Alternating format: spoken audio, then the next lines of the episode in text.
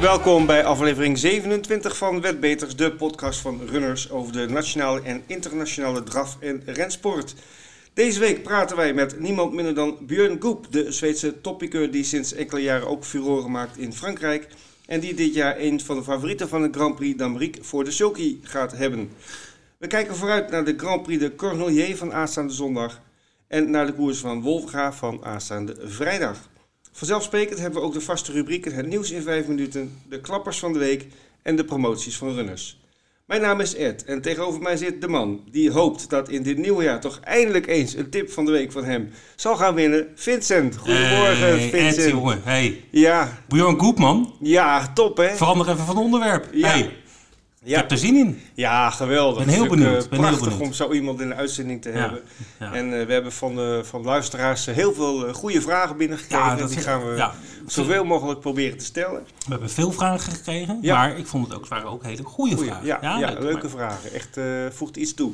maar dat gaan we straks allemaal Dat komt straks. Ja, eerst even een korte terugblik afgelopen weekend. Op Jouw mijn, tip, op mijn tip, ja, nee. tip van de week, Queen's Plate. Die didn't, again, didn't do it again. Nee. Nee, nee. Nee, ik moet aan de bak. Het gaat niet best met mijn tips. Nee. Maar eh, de Queen's Plate inderdaad, eh, Kenilworth in Zuid-Afrika. Eh, het is hier winter, daar is het zomer, dus lekker weer. En zoals we vorige week al zeiden, de Queen's Plate is eigenlijk het, het Royal Ascot, van, ja. van Zuid-Afrika. Ik heb foto's gezien, alles wit ja. en blauw. Ja, wit en mooi is dat. Ja, was leuk, ja. Ja. vond, vond ik ook leuk. Ja, ja, ja. Maar goed, de, de race zelf die, werd gewonnen door een outsider, Vardy. Van jockey Craig Zecchi en trainer Adam Marcus. Een mooie race. Hij lag eigenlijk achter in het veld. En de laatste 500 meter, als een raket, eh, stoof hij naar voren. En eh, pakte de, de leiding en gaf hij niet meer weg. En hij won eigenlijk heel eenvoudig. Ja. Eh, One World werd tweede en Rainbow Bridge werd derde. En om even aan de quoteringen te zien dat het echt de outsiders waren. De, de winnaar die noteerde 17 tegen 2. Dus dat is, dat is het 9,5 eh, tegen 1. En dan One World aan eh, 16 tegen 1. En Rainbow Bridge aan 12 tegen 1. Dus dat waren echt wel outsiders. Ja. De grote favoriet was Hawan van Sheikh Hamden Al Maktoum, eh, de bekende eigenaar. Hè, dat blauwe met de, de witte epauletten. Van trainer eh, Mike de Kok. Mike de Kok, heel goed, dankjewel. En eh, ja, die stond 1,50. Groot favoriet, maar die werd dus ook vijfde. Dus Ja. dat viel tegen. Ja. En mijn tip, do it again, he didn't do it again, want hij werd zesde. Ja. Dus dat was de Queen's Plate. Ja. En nou, jij hebt ook vast wel wat gezien van het Ja. weekend. Eh, even beginnen in de Wolfra afgelopen vrijdag. Daar was de revanche van het Championnat Trotteur Français het, het hoofdnummer. Eh, die werd eh, toch wel enigszins verrassend eh, gewonnen door Do You Love Me. Het was wel een van de kanspaarden, maar niet de favoriet. Do You Love Me van Kees Kamminga, die had een mooi parcours aan de binnenkant. Kon op tijd, vlak voor de laatste bocht, naar buiten. En was in de eindfase duidelijk de sterkste. Fraaie overwinning voor dit paard. Balladin Williams van Jaap Fixen, die werd heel knap tweede in dit eh, geweld. En favoriet Ustang Ludois, die eh, had de hele weg in het dode spoor gelegen. Dus het spoor naast de koploper. Die kwam uit België volgens mij. Ja, die kwam uit België. En eh, ja, het kostte net te veel kracht onderweg om die positie te bezetten. En die werd dan derde voor Born to Run. Dat was een outsider. Maar het hoogtepunt... ehm Vincent, hè? De, Vincent, de Belgique. was, eh, ja, dat was afgelopen zondag, de Grand Prix de Belgique. Ja, de vraag was natuurlijk van Belina Josselin. hè. Gaat ze eindelijk weer eens wat laten zien? Of eh, wordt het echt eh, problematisch met de Mary die al bijna 2,3 miljoen euro verdiende? en? Het antwoord is eh, heel positief. Zij won. Ja. Ja, ze liet weer eh, haar oude gezicht zien. Liep weer voor, eh, voor het eerst sinds lange tijd zonder achterijzers. En dat is dan schijnbaar toch eh, een beetje de truc waar zij wel eh, presteren. Jean-Michel Bazier had gezegd, ik heb ook de training wat, wat aangescherpt. toch een beetje nog haar wakker geschud. En het had resultaat. Ze won de koers duidelijk. In een nieuw koersrecord van 1.12.6 over 2850 meter. Het oude record was van Maharaja uit 2011. Eh, dat is dus gesneuveld. 1.12.6 is nu de recordtijd van deze koers. Enino du Pommereux, die zat al een paar keer om de brei heen te draaien. Ja. Via de vijfde Mhm. plaats in de grote nummers. Die werd nu eh, tweede, heel verdiend. Dus ook een ticket. Ook een ticket voor de Prix de Briek. Eh Davidson Dupont, die eh finishte enorm sterk, terwijl hij met ijzers liep. was al heel, heel goed. Die werd derde, maar die had al een ticket. En de vierde plaats was voor mijn tip van de week ook niet gewonnen. Dus ik zit in hetzelfde schuitje als jij. Ah, dat doet me weer goed. Eh Erminich d'Olivry liep wel hele goed, goede koers, maar die werd eh, vierde. En ja, over twee weken gaat het gebeuren. Ja. En we praten zo meteen met, eh, met Björn Ja. om te kijken wat uh, FaceTime Bourbon zou kunnen uitrichten tegen bijvoorbeeld Belina Josselin. We gaan uh, even kijken naar het nieuws van deze week. Vincent, twee nieuwtjes uit Engeland. En de eerste gaat over Nicky Henderson. Nou, eentje uit Engeland, eentje uit Ierland. Ja, Nicky Henderson en Unibet. Die liggen onder vuur. Uh, nogal een pikante uh, verhaal vorige week. Nicky Henderson, beroemde bekende trainer van National Hunt, die heeft het niet zo makkelijk. Want zijn Altior, dat is een paard van hem. Ja, nou ja, die kennen we allemaal. De beroemde Altior. Ja, dat gaat niet zo goed mee. Die is af en toe niet fit.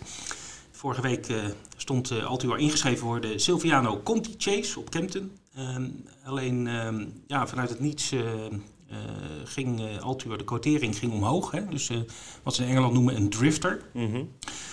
Dus ja, als dat gebeurt, dan gonst het gelijk wat van de geruchten op social media vooral. Want wat, wat is er aan de hand? En zijn stalgenoot Voetpad, die, die, ging juist omlaag. Die waren dus aan twee paarden van, van, van Nicky Henderson.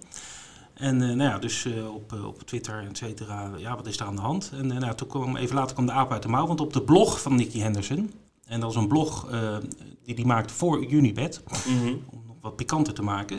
Maakte de trainer bekend dat Altuur niet zou lopen. Ja, goed. En dan is dat natuurlijk 1 en 1 is 2. Van ja, goed, Unibet verandert zijn quotering.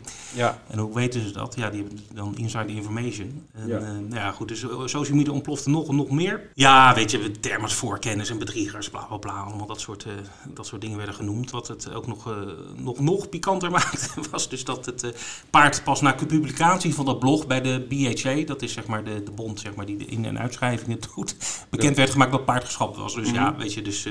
nou, inmiddels hebben een aantal trainers hebben zich publiekelijk uitgesproken dat sponsoring door bookmakers van trainers en jockeys uh, verboden moet worden. Mhm. En dat is misschien ook wel een goed idee ook.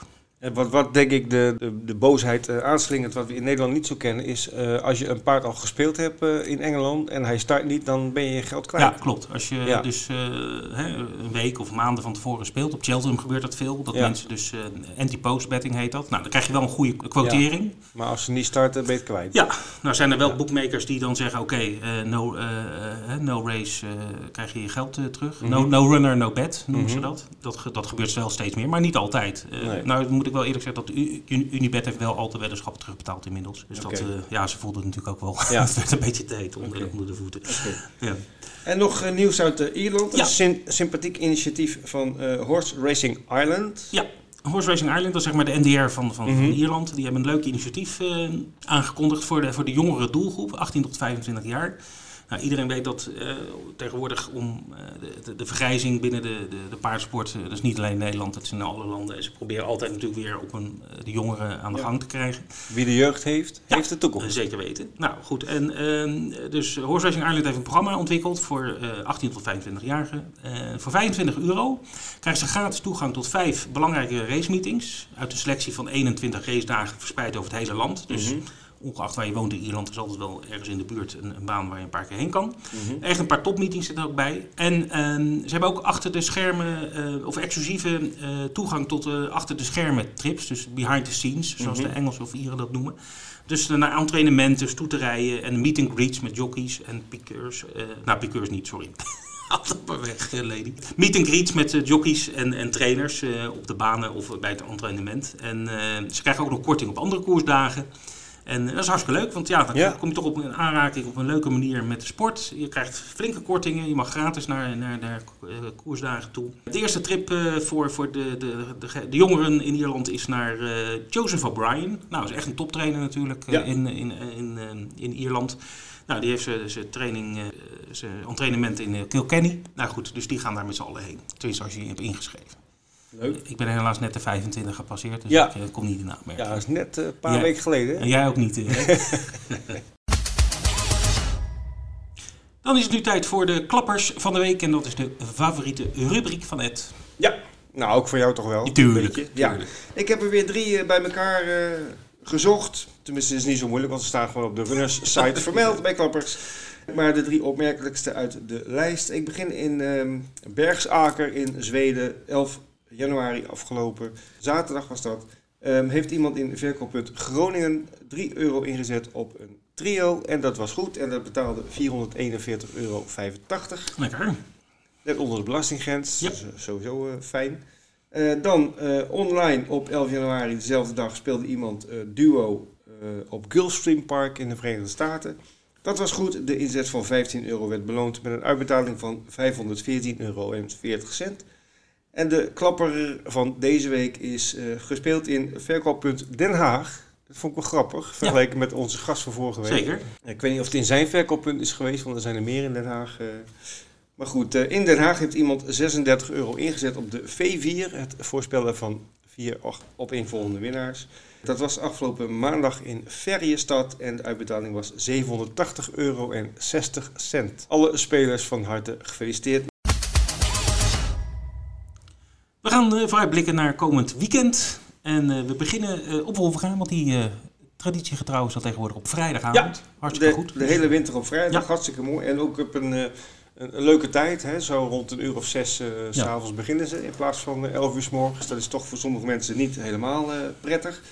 Ja, aanstaande vrijdag uh, zeven draverijen op het programma met als hoofdnummer de Willem H. Geerse prijs. En die kennen we natuurlijk allemaal. Dat is de man die uh, als enige Nederlander in de historie... Arios Deu. Ja, Hairos Deu in 1960 de Prix d'Amérique wist te winnen. Ik heb de koers van de even teruggekeken op uh, YouTube. Oh, staat hij nog op? Prachtig oh, om te zien. Ja, ja oh, echt, ja, echt zo mooi om te zien. Dus luisteraars, uh, ga even zoeken op Het was ook YouTube. bruin met gele kleuren, toch? Nou, het was zwart-wit. Ja, Oké. maar het was, hij had wel bruin met zwart-wit. Dat zou met kunnen, geel. maar Ja, oké. het, wel heel mooi. Ehm, echt een soort polygoonjournaal was Oh, het. leuk. Eh, maar goed, Willem H. Geersen, de grote trainer eh, uit die tijd, die, ehm, die heeft al jaren een, een koers naar zich vernoemd. De Willem H. Geersenprijs, die wordt eh, dus aanstaande vrijdag in Wolvenga verreden. 10.000 euro ligt er aan de finish voor de paarden die meedoen. En de favorieten dit jaar zijn Unar B van Rick Ebbingen. Hambo Air is een gevaarlijke deelnemer. En verder kunnen nog Arius du Duet, Panoramiek eh, en aan de kop eh, Gift Junior en Dean Vos een rol gaan spelen. Mooie koers, vrijdagavond op Wolvenga.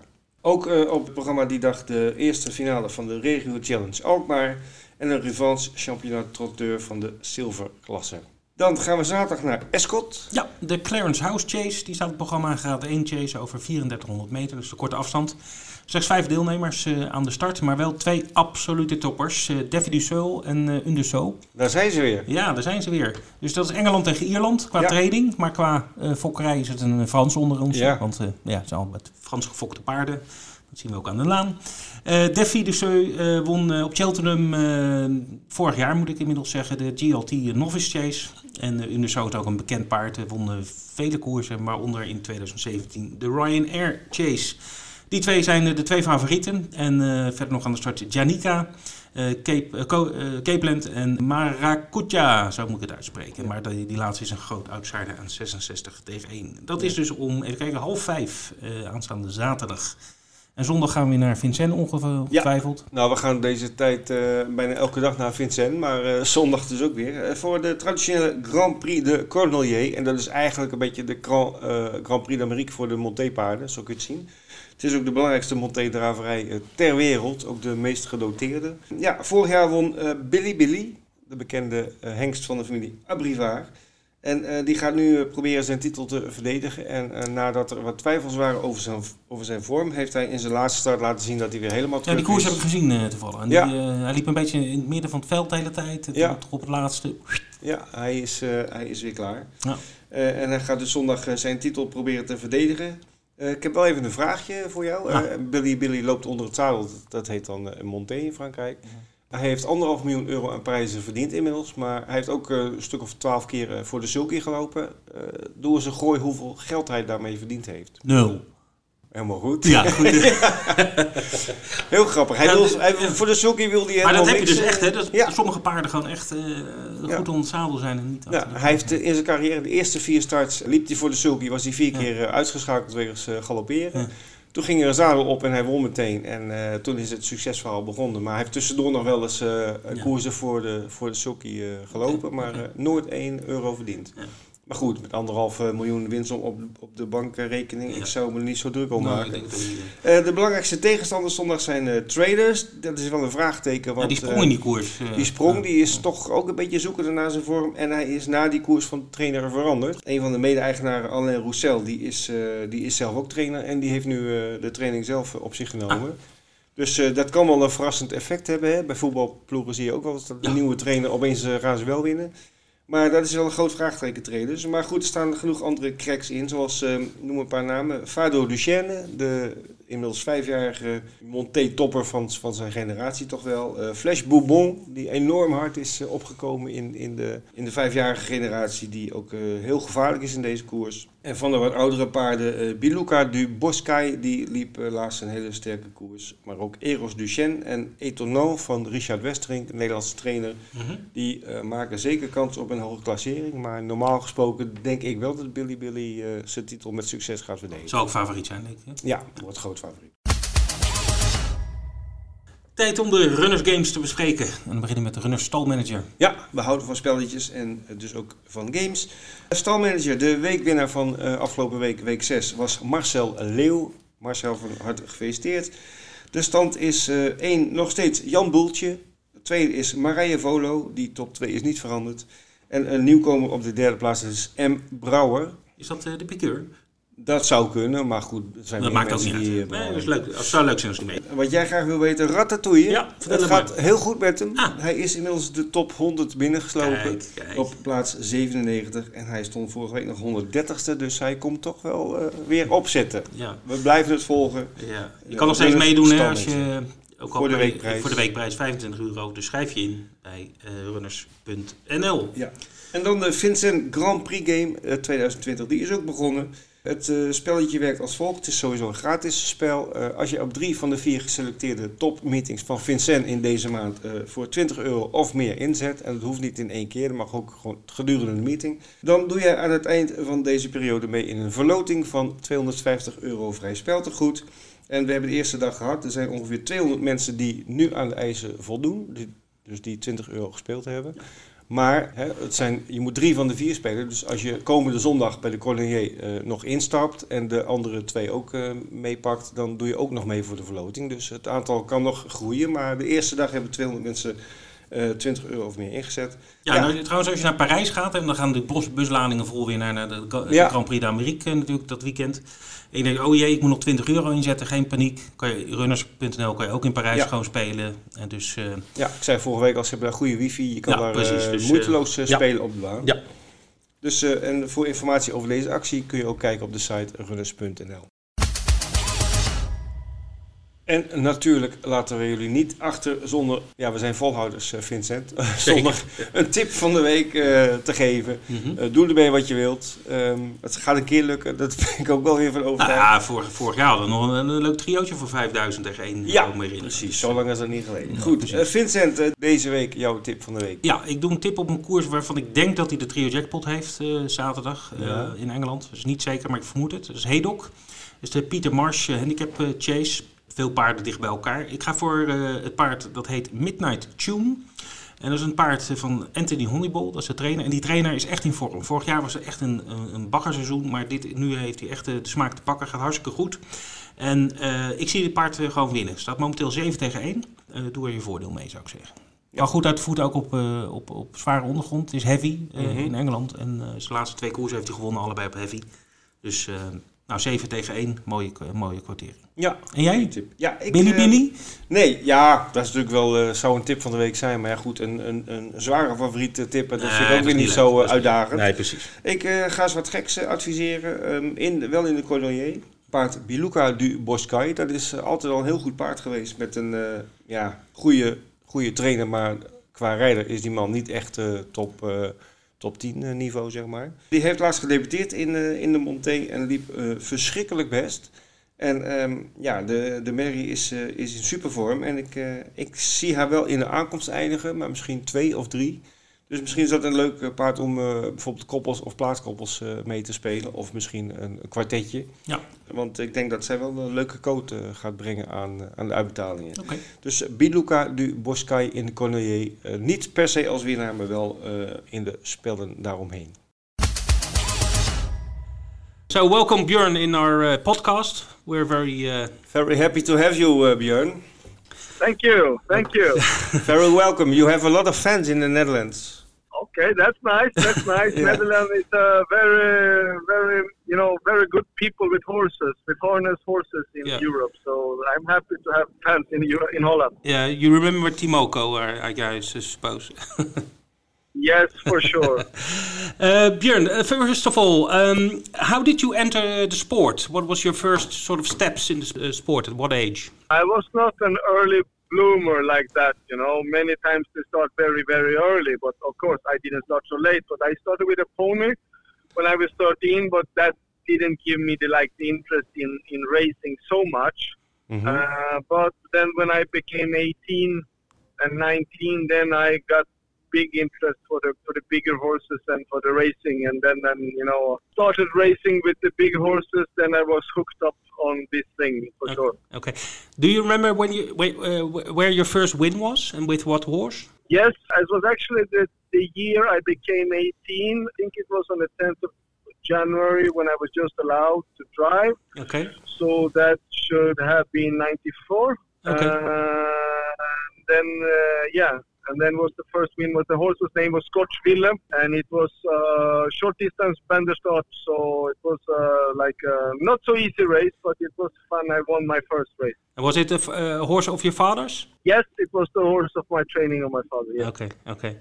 And uh, what was the best horse you've ever driven so far? Oh, difficult question, I guess it's a difficult question because yes. everybody means something. You know, yeah. every horse have educated me with something. Many horses are different in talent, so it's difficult to say. You know, uh, but of course, the horse that I many many times will always say it was like a dream horse. It was Timoko okay. because he had all the qualities. You know, he had a technique that was amazing, and you know, he was so hard. So that was an amazing horse. You can always adjust, you know. And then, of course, then I drove Ridley Express, who was uh, like a train, you know. He was the, he was unstoppable when he wanted, you know, when he was going. Mm-hmm. So he was an incredibly strong horse, you know. It's like I, I think I never drawn, driven such a strong horse. And then now, or oh, recently, I've been driving um, FaceTime Bourbon, which have the both qualities, you know, uh, in in some way, but still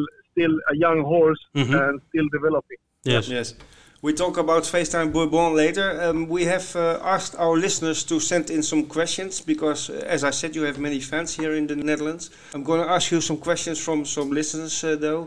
Uh, ben asked us, uh, you have two stables in two countries uh, nowadays, one in Sweden and one in France, I guess.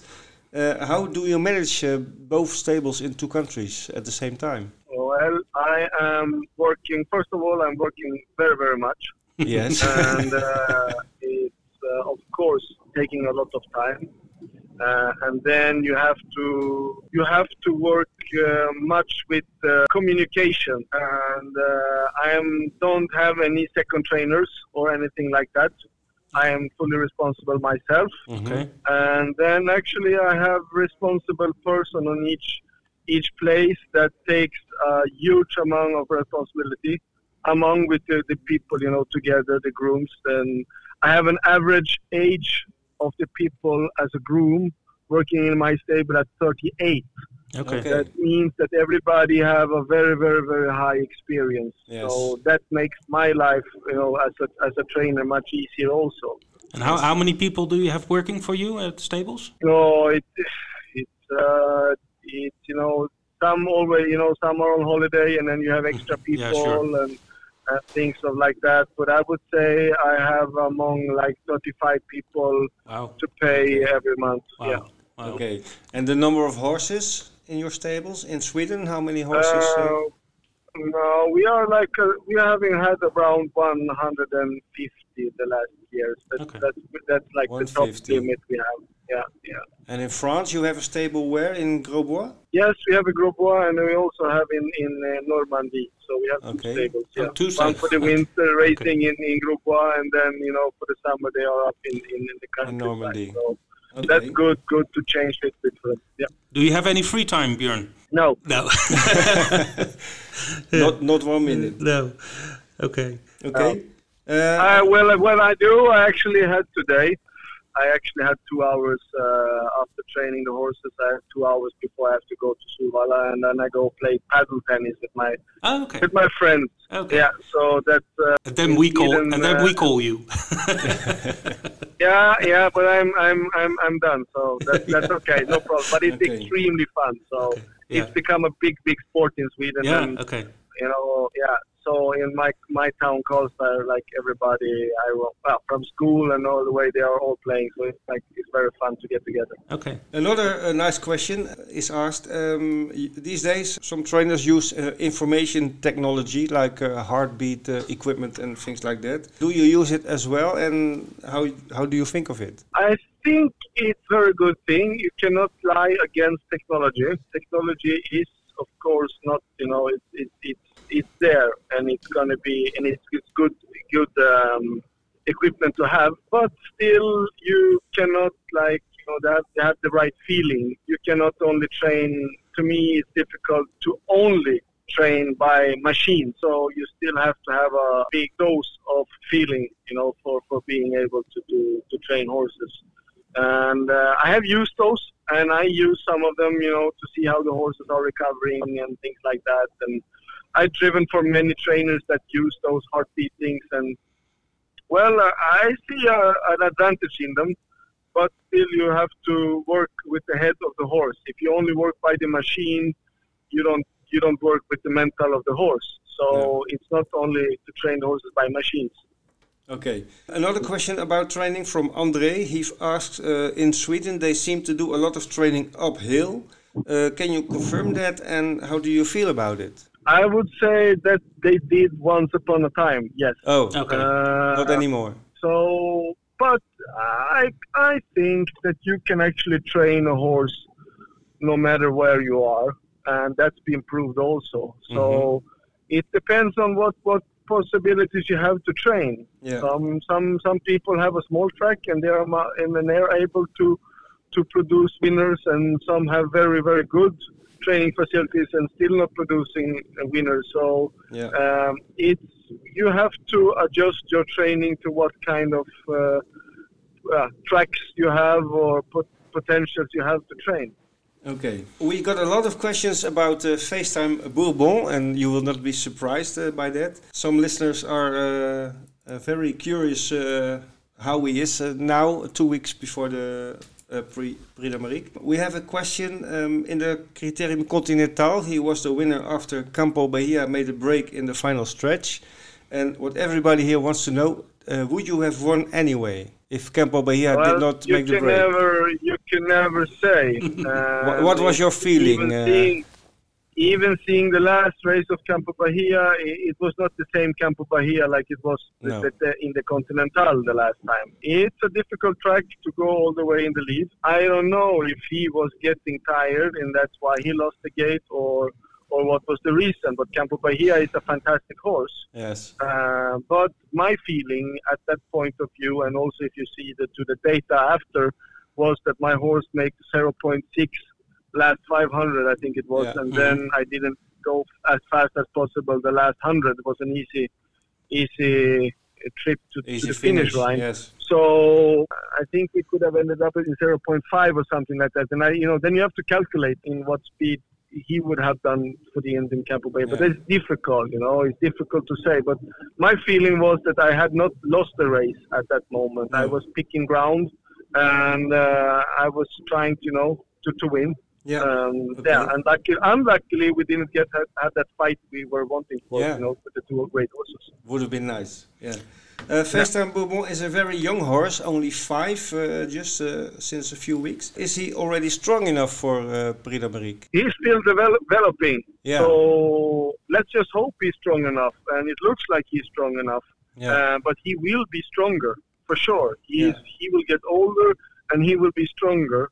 Uh, but looking to the, the, the times he's running, he seems strong enough, and the way he have been winning, it looks like he's strong enough, and it feels like he's strong enough. But he will be stronger for sure. Uh, next question from from uh, Bert: uh, What will be your strategy in the Prix d'Amérique? Uh, will you go for the lead, or will you wait in the field? Or won't you yeah, tell us? It's, it's a secret. Say, you know? yeah, but. It, it's a secret and not a secret because there no. are no tactics before. You, no. you you can have a dream a dream race, you know, and yeah. then you will win in your dreams. But uh, you still you have like 17 people that is and horses that have a their own dream. You know, some get nervous and some get stressed, and you never know what's going to happen. And you have to try to to do your best from your position, and then it's not so easy. No. So I to have a tactic know, to, to, to know what you're going to do. But, but uh, which, which, I think I'm lucky in, in having a horse that can do many tactics, and mm -hmm. that's a mm-hmm. good thing. And what's his favorite tactic uh, from the lead or from the field? No, he do he do good with both. He's both, not okay. like he needs the spot the special that that way, you know, like he needs to be in the lead or he needs to go from behind. He don't have that okay. so far. You know, he's not like uh, he's not uh, had that kind of race yet that he's been like you know, fed up with doing the hard work. He's not. that he's he's still hungry. Mm-hmm. Okay. Last question on on this item uh, from FaceTime Bourbon. Um, who do you think are your strongest opponents in the Prix Marie? Who are the most dangerous? Uh, I have I have respect against all of them because they all have specialties.